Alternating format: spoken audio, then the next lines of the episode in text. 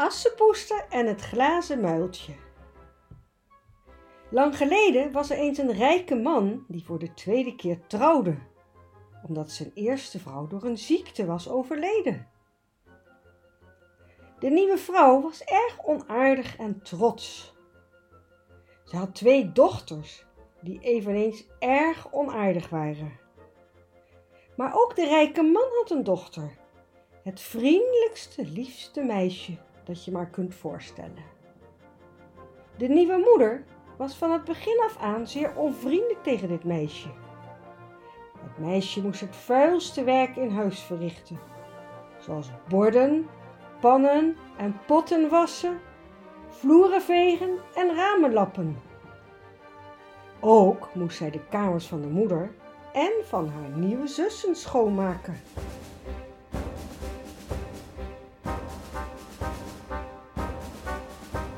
Hier ben ik, je nieuwe moeder. Dus jij bent mijn nieuwe kind. Ik zie nu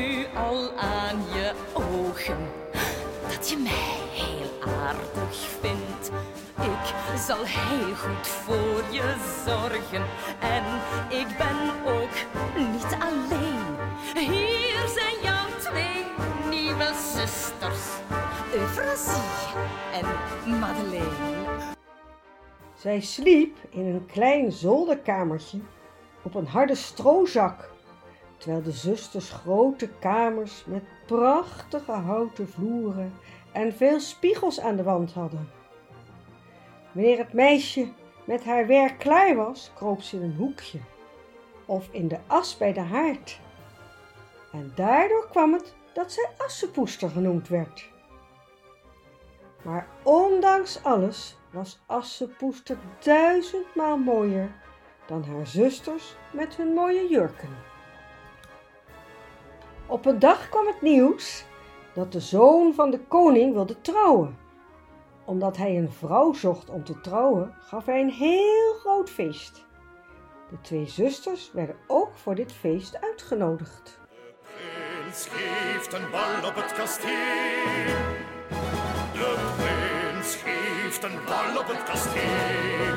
Want de mooie prins wil trouwen, maar hij heeft nog steeds geen bruid. Daarom eentje uit.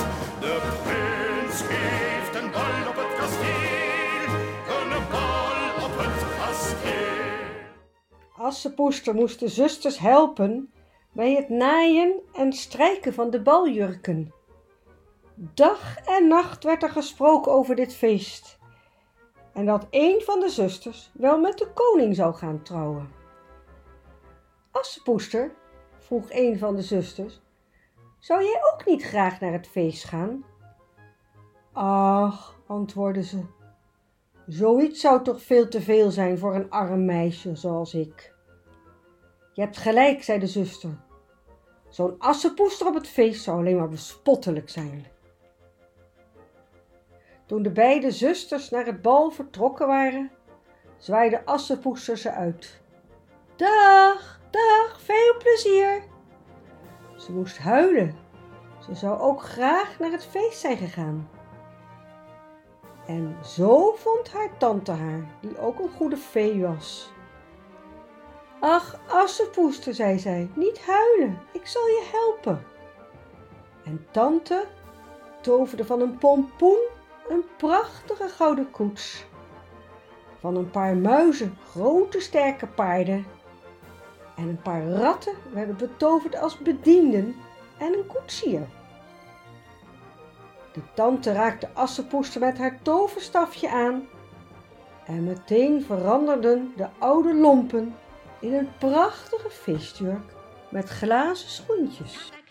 La benchikaboo, la bibbidi bobbidi boo.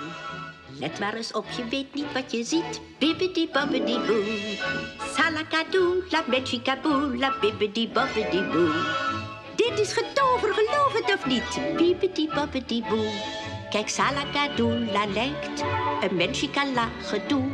Maar wat het hem doet, want dan gaat het goed, is bibbidi bobbidi boe.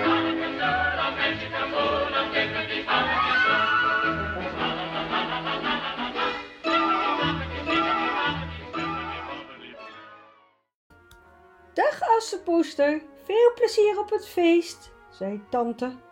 Maar denk eraan dat je voor middernacht het feest verlaat, omdat klokslag twaalf uur de koets weer verandert in een pompoen, de paarden weer in muizen, de bedienden weer in ratten en jouw feestjurk weer in lompen. Op het feest aangekomen keek de prins alleen maar naar Assepoester. Zij dansten en aten en hadden super veel plezier. Twee, drie, wals, onvervalst. Want wie niet walsen kan, die telt niet mee.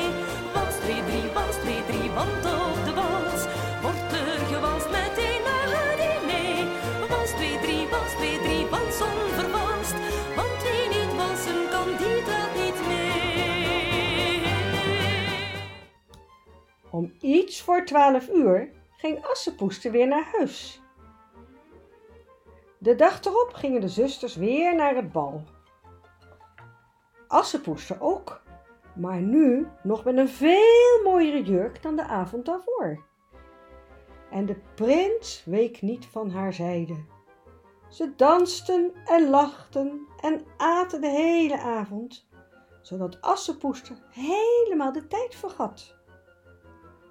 Plotseling klonk de eerste slag van middernacht. Ze schrok en ze vluchtte weg. De prins rende haar achterna, maar het enige wat hij vond was een van de glazen schoentjes die Assepoester in de haast verloren had.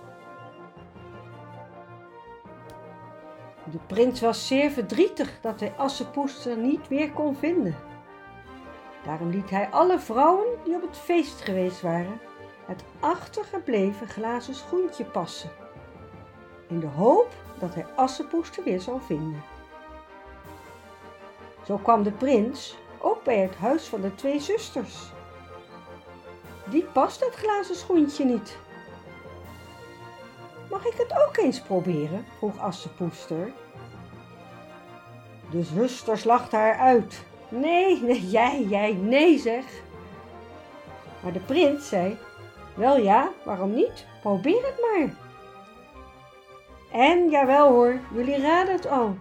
Het schoentje zat als gegoten. De verbazing van de zusters was zeer groot.